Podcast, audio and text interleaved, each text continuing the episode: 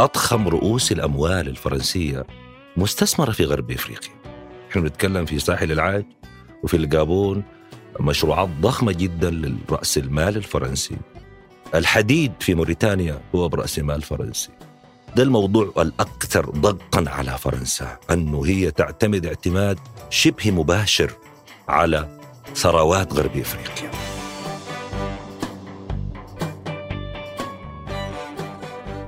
هذا بودكاست الفجر من ثمانين. بودكاست فجر كل يوم يسرد لكم فيه سياق الأخبار اللي تهمكم. معكم أنا إبراهيم القرعاوي.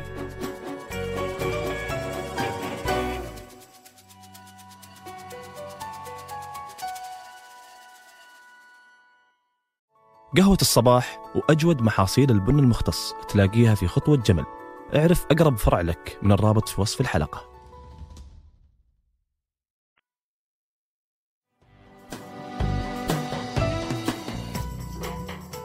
بونجو أو صباح الخير بالفرنسية. كلمة ما تسمعها في فرنسا فقط وإنما في أكثر من 55 دولة. تسمى الدول الفرنكفونية أو رابطة الدول الناطقة بالفرنسية. هذا الارتباط بدأ قبل أكثر من 300 سنة بالتحديد 1624 لما بدأت فرنسا واحدة من أكبر مشاريع الاستعمار في المنطقة الأفريقية. فمن خلال إنشاء مراكز تجارية في السنغال قدرت أنها تبسط نفوذها في مناطق كثيرة في أفريقيا. مثل الجزائر وتونس والمغرب والسنغال ومالي وساحل العاج والكونغو وغيرها من الدول. وامتدت السيطرة الفرنسية في أفريقيا لكافة الجوانب فاستغلت الموارد الطبيعية وفرضت ثقافتها على الشعوب المحلية. ومع تأسيس شركة الهند الشرقية الفرنسية في 1664 صار الاستعمار ياخذ صورة أكثر منهجية. وهو الشيء اللي ساعد في زيادة مساحة الإمبراطورية الفرنسية من 3.5 ملايين كيلو متر مربع في القرن السبعة عشر إلى 11.5 مليون في القرن العشرين. واتبعت فرنسا استراتيجية فرق تسد بين السكان المحليين وهو الشيء اللي وفر لها سهولة في الإدارة وضمان لبقائها في القارة. وقدرت أنها تبني نخب أفريقية تدافع عن سياساتها وتحارب الأفكار الاستقلالية مثل جماعة الأوروبية الأفريقية وهي نخبة أفريقية ركزت على مناهضة الحركات الاستقلالية وسوقت لفوائد الاستعمار. في 1830 بدأت فرنسا باحتلال الجزائر وبقت فيها لأكثر من 130 سنة. خلالها نفذت فرنسا سلسلة من المجازر الدموية اللي خلفت أكثر من مليون شهيد. خلال النصف الثاني من القرن العشرين بدأت حركات التحرر في مختلف أنحاء أفريقيا تواجه الاستعمار الفرنسي وحققت الكثير منها الاستقلال في الستينات والسبعينات من القرن الماضي. رغم الاستقلال استمرت فرنسا في تأثيرها في شؤون الدول الأفريقية من خلال توقيع اتفاقيات تعطيها الحق للتدخل في الشؤون السياسية والاقتصادية والعسكرية. في آخر عشرين سنة شهدت العلاقة بين فرنسا والدول الأفريقية تطورات تدعم تعزيز التعاون وتقوية العلاقات الاقتصادية خصوصا مع وجود قيادات أفريقية داعمة للسياسات الفرنسية. مؤخرا وخلال جولة في أفريقيا قبل ستة شهور وعد الرئيس الفرنسي إيمانويل ماكرون بحقبة جديدة في علاقات فرنسا مع أفريقيا. وقال ماكرون وقتها أن القواعد العسكرية الفرنسية في أفريقيا راح تدار بشكل مشترك بين القوات الفرنسية والقوات المحلية. ووعد أنه راح يخفض الوجود العسكري الفرنسي في القارة. لكن الانقلاب اللي شهدته النيجر قبل أسابيع ضد الرئيس المنتخب محمد بازوم دفع فرنسا لتغيير خططها خصوصا أن فرنسا تملك في النيجر أكثر من 1500 جندي. قبل أيام أعلنت فرنسا عن دعمها للقرارات اللي تبنتها قمة قادة الجماعة الاقتصادية لدول غرب أفريقيا إيكواس ومنها إرسال قوة عسكرية لاستعادة الحكم في النيجر. عشان نفهم أكثر سبب الغضب الفرنسي على الانقلاب في النيجر وأسباب دعمها للتدخل العسكري وتأثير فرنسا على الوضع السياسي والاقتصادي للدول الأفريقية ونفوذها في القارة. نستضيف الصحفي والكاتب والباحث غسان عثمان.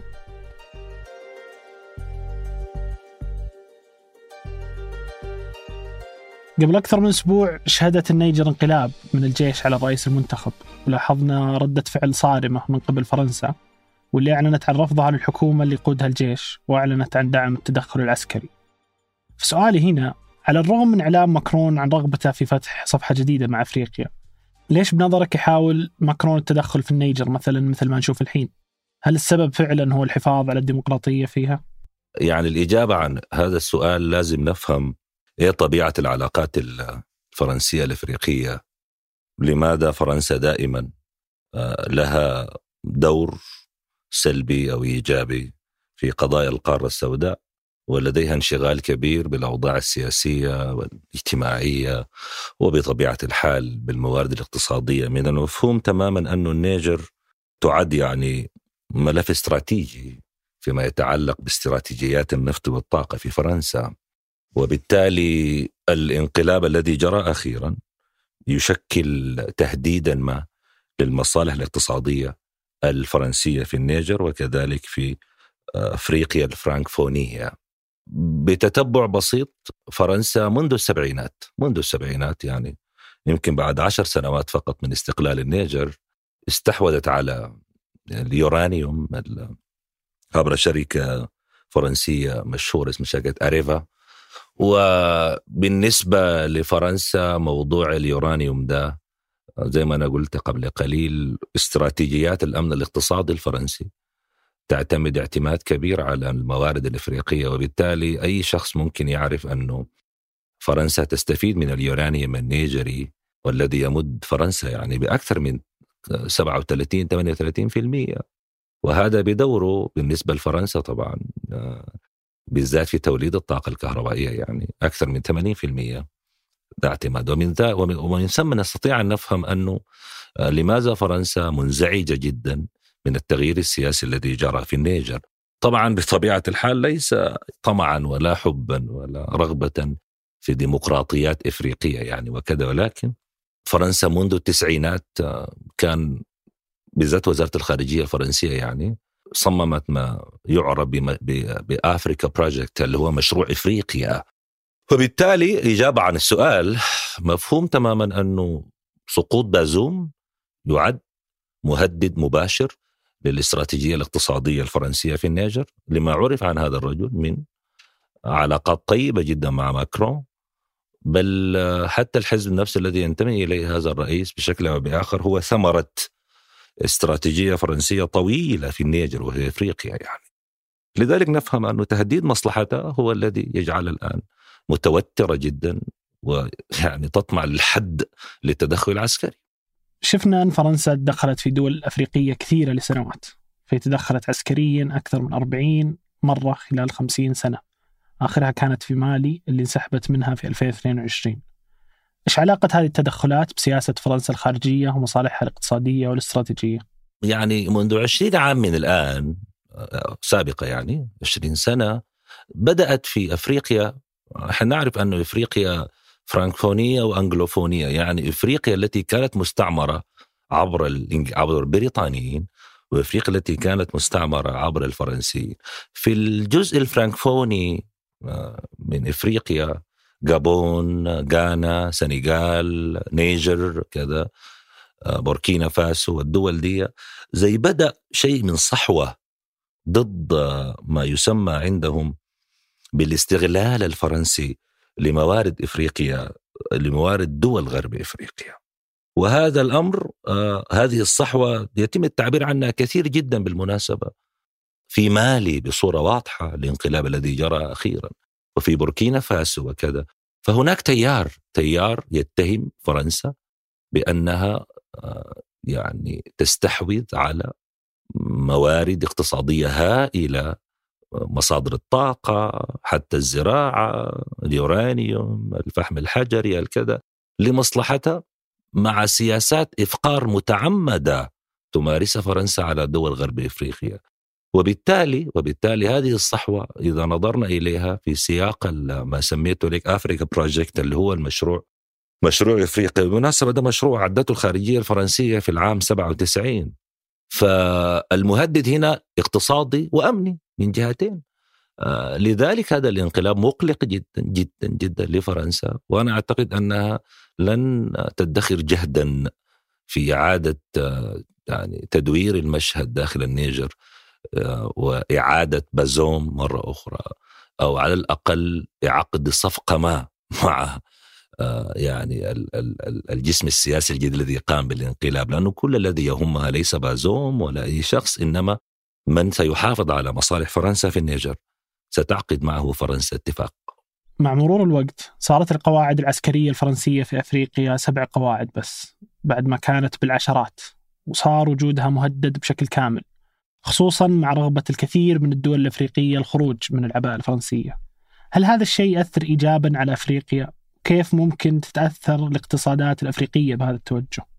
هو واقع الحال للدقة تبقى لفرنسا فقط خمسة قواعد للدقة يعني آه، في جيبوتي وفي داكار آه، وفي الجابون وفي تشاد وفي ساحل العاج يعني ليبرفيل آه، في جابون وقاعدة تشاد ويورونيون في ساحل العاج وكذا. فهم خمسة يعني خمسة قواعد عسكرية وأنت صحيح ما ذكرته أنه هذا تقلص لعدد كان أكبر من ذلك بكثير. أنا أعتقد المهددين الرئيسيين الذي يجعل يعني فرنسا يعني خلينا نستخدم التعبير سيلادور يعني تحاول أن تتحدث أنه حريصة على الديمقراطية يعني في النهاية في النهاية. النهاية. آه، أضخم رؤوس الأموال الفرنسية مستثمرة في غرب إفريقيا. أضخمة. يعني ركز معي سيدي إحنا بنتكلم في ساحل العاج وفي الجابون مشروعات ضخمة جدا لرأس المال الفرنسي. في السنغال في موريتانيا. يعني شوف السنغال دي في أكبر مشروع استصلاح الأراضي ده برأس مال فرنسي. آه، الحديد في موريتانيا هو برأس مال فرنسي. ده الموضوع الأكثر ضغطا على فرنسا أنه هي تعتمد اعتماد شبه مباشر على ثروات غرب إفريقيا. للدرجة نحن نعرف أنه حتى العملة بتاعت غرب إفريقيا تطبعها فرنسا. ما يسمى بال... بال... بالفرنك الغربي إفريقي ده. وتأخذ عليها عمو يعني حتى العملة المستخدمة في بنين وبوركينا فاسو وساحل العاج ومالي والنيجر وسنغال وتوغو. تخيل معي أنه هذه العملة تطبع في فرنسا. والاقتصاديين بيعرفوا تماما أنه آه هذا يعني فيما يعني أنها تتحكم تحكم مباشر في الاقتصاديات لهذه الدول. فيبدو أنه ده مهدد كبير جدا يجعل فرنسا تخاف تماما من أي تحولات سياسية في غرب إفريقيا. وكمان لما انت ذكرت القواعد العسكرية لا ننسى تماما أنه آه الآن هذا الملعب ملعب صراع كبير. وصراع نفوذ بين فرنسا بين روسيا بين الصين بل حتى اليابان دخلت الآن لتنشئ بعض الاستثمارات. طبعا الطريقة ال traditional التقليدية المعروفة منذ شركة الهند الشرقية يعني التي احتلت الهند يعني الشركة البريطانية أنه هذه الشركات التجارية أو التي تعمل في الاقتصاد وكذا هي في النهاية تؤدي أدوارا سياسية. يعني إحنا لما نيجي نقرأ ونعرف أن كبريات الشركات اللي موجودة في غرب إفريقيا زي توتال وألستوم وبويغ وأورانج في ال communication وباريبا وقطاع البنوك وكذا كل هذه الأجسام الاقتصادية تؤدي أدوارا سياسية في يعني في إفريقيا لصالح فرنسا. فأنا أنظر أنه من الطبيعي أن فرنسا تشعر بالخطر لأنه كانت تقول فرنسا دائما أنه أنا شراكتي مع إفريقيا تقوم على علاقة قديمة جدا منذ الاستعمار الفرنسي والحماية الفرنسية. وبالتالي وجود قواعد العسكرية في غرب إفريقيا بالاتفاق مع الحكومات الإفريقية أو في غرب إفريقيا بالضبط يعني أو بالذات هي لموضوع الهجرة غير الشرعية وموضوع الإرهاب. ونحن نعرف أنه مالي مالي آه القواعد التي كانت موجودة وتم طردها القواعد الفرنسية لم تكن تؤدي أدوار كما تقول فرنسا لصالح مهارة الهجره غير الشرعية وإنما هي تمدد نفوذها الاقتصادي بشكل كبير جدا عبر الشركات الضخمة ورؤوس أموال الضخمة هذه. بالنسبة للنيجر النيجر أنا كما قلت قبل قليل اهميتها الكبرى في قطاع النفط والطاقة في موضوع اليورانيوم ده. بالنسبة لها موضوع غاية في الأهمية وبالتالي لن تقبل بأن تأتي حكومة تهدد مصالح التي تعتقد انها مصالح شرعية يعني بهذه الدرجة يعني وهذا الوجه القبيح مع الاستعمار بطبيعة الحال. طيب بعض التقارير تقول إن آه، في بعض الدول الأفريقية هذا الاستهلاك والاستثمار للموارد الأفريقية يتم بأسعار غير عادلة. يعني فرنسا تأخذها بأسعار أقل من قيمتها الحقيقية. لا ما لا, لا يعني نفس السياق يعني نفس السياق أنه الشركات دي الكبرى دي هي تتحكم في موارد هذه الدول الإفريقية في استخراجها كمان يعني تلاحظ فبالتالي إذا تستطيع أنها تستخرج هذه الموارد فهذا يعني بطبيعة الحال أنها قادرة على تحديد سعرها مشكلة طيب خلال الس... أنت يعني تطرقت برضو آه، لتزايد نفوذ دول أخرى آه، في أفريقيا. خلال السنوات الماضية لاحظنا تزايد تأثير الصين وروسيا في أفريقيا. فالصين مثلا تقدم ديون ميسرة للدول الأفريقية وتستثمر مبالغ ضخمة وروسيا عززت وجود الشركات الروسية وأيضا أرسلت قوات فاغنر آه، في عدة دول. كيف تنظر لهذا الوجود؟ وهل لها علاقة بالتحركات الفرنسية والغربية الأخيرة في أفريقيا؟ آه نعم يعني مفهوم تماما أنه الآن كان عقد عقدت القمه الروسية الإفريقية في سان بطرسبرغ الآن في في شهر في يونيو مش كذا نعم في يونيو. وواضح أنه روسيا آه، استطاعت بشكل كبير أنها تجد لنفسها موضع قدم وموطئ قدم في غرب إفريقيا. كان الأول متعلق بوجود فاغنر اللي هي المجموعة المسلحة دي التي كانت تعمل يعني بالذات في Central Africa يعني في أفريقيا الوسطى وكذا. ف منطقة غرب إفريقيا غنية بالموارد الطبيعية. يا سيدي أنت الآن نحن نقول النيجر هي تحتل المرتبة الثانية عالميا بالمناسبة بعد كازاخستان في اليورانيوم. فشوف أنت بتتكلم عن منجم بتاع ذهب بتتكلم عن دول غنية جدا موارد غير مستغلة وبالتالي هي تسيل لعاب كثير من الدول الكبرى وكمان صراع المصالح والنفوذ في هذه المنطقة آه الروس في تقديري يسعون سعيا حثيثا لتقليص الوجود الفرنسي ولعلهم نجحوا في بعض المواقع أنا أفتكر في مالي في بوركينا فاسو نجحت السياسة الروسية بأنها تخفف من الوجود الفرنسي وأن تست... وأن يعني تدفع هذه الدول أن تستبدل شركات قائمة فرنسية بشركات روسية. والروس يستخدمون دائما سياسة أنه نحن أصدقاء لإفريقيا. والآن المؤتمر الأخير ده بتاع القمة الإفريقية الروسية آه تبرعت روسيا لبوركينا فاسو مثلا وبعض الدول بأنها ستمنحها قمح بكميات كبيرة جدا جدا. بأسعار تكاد تكون زهيدة وميسرة وكذا وكذا. فدي منطقة بتاعت نفوذ للسيطرة على موارد أفريقيا. وبالتالي آه، تنشط فيها آه، يعني هذا النوع من النزاع بين الدول الكبرى فرنسا التي تسمي أنها صاحبة حق تاريخي في إفريقيا أي في غرب إفريقيا بالذات. ليس في شرقه ولا شماله لأنه دي منطقة نفوذ إنجليزي آه، يعني. وبالتالي الروس يتمددون في هذه المنطقة. ولما نقول الروس هذا يعني أن الصين أيضا تتمدد في هذه المنطقة نعم آه، هل نقدر نعتبر آه، اللي قاعد يصير اليوم في النيجر واللي سبق حصل في بوركينا فاسو وأيضا في مالي هل ممكن نشوف هذا الصراع ينتقل إلى دولة جديدة من دول الغرب الأفريقي؟ لما أصلا أفريقيا معروفه أن أفريقيا يعني هي قارة الانقلابات العسكرية، هي بلد قارة تعاني من عدم الاستقرار. انها مشكل في الاستقرار السياسي لأنه فيها فقر. يعني أنت الآن بتتكلم على أنه النيجر دي من أفقر الدول في العالم رغم كل هذه الموارد. من أفقر الدول. بوركينا فاسو مالي وكذا. الصحوة دي وإن جاءت عبر الانقلابات العسكرية فهي تعبير بالمناسبة عن رفض الاستغلال الفرنسي والذي يدعي بأنه يريد أن يحافظ على الديمقراطيات في الوقت الذي تنهب فيه الشركات الفرنسية الكبرى موارد هذه الدول.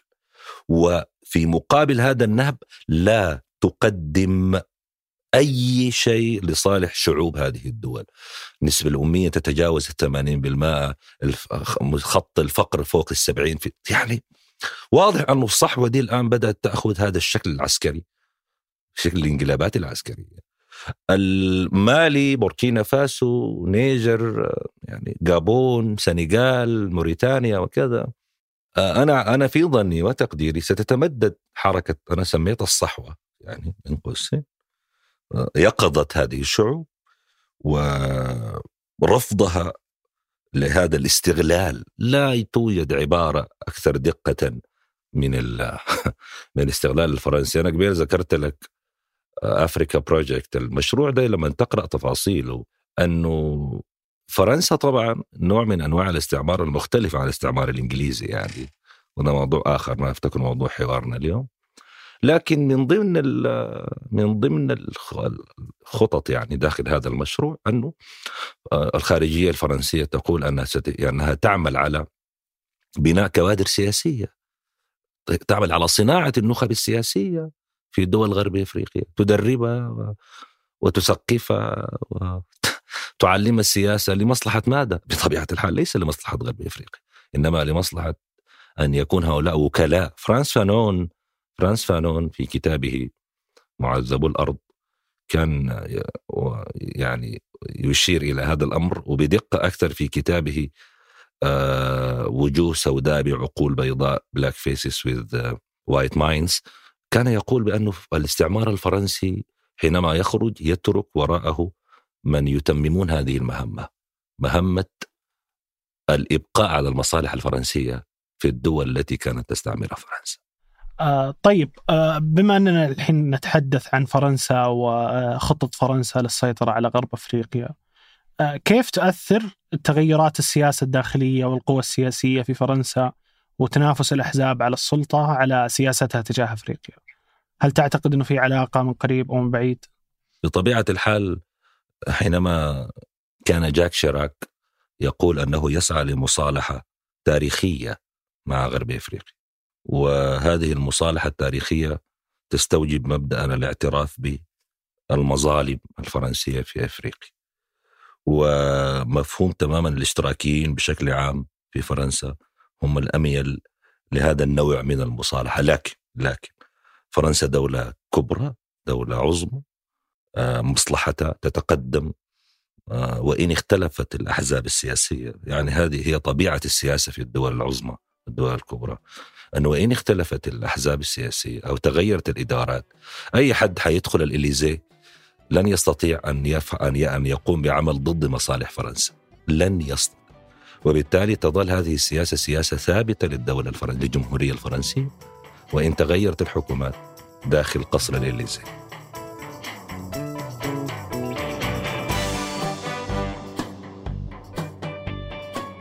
أنتج هذه الحلقة ترك البلوشي وقدمتها أنا إبراهيم القرعاوي وحررتها وفاء العبد العالي. نشوفكم بكرة الفجر.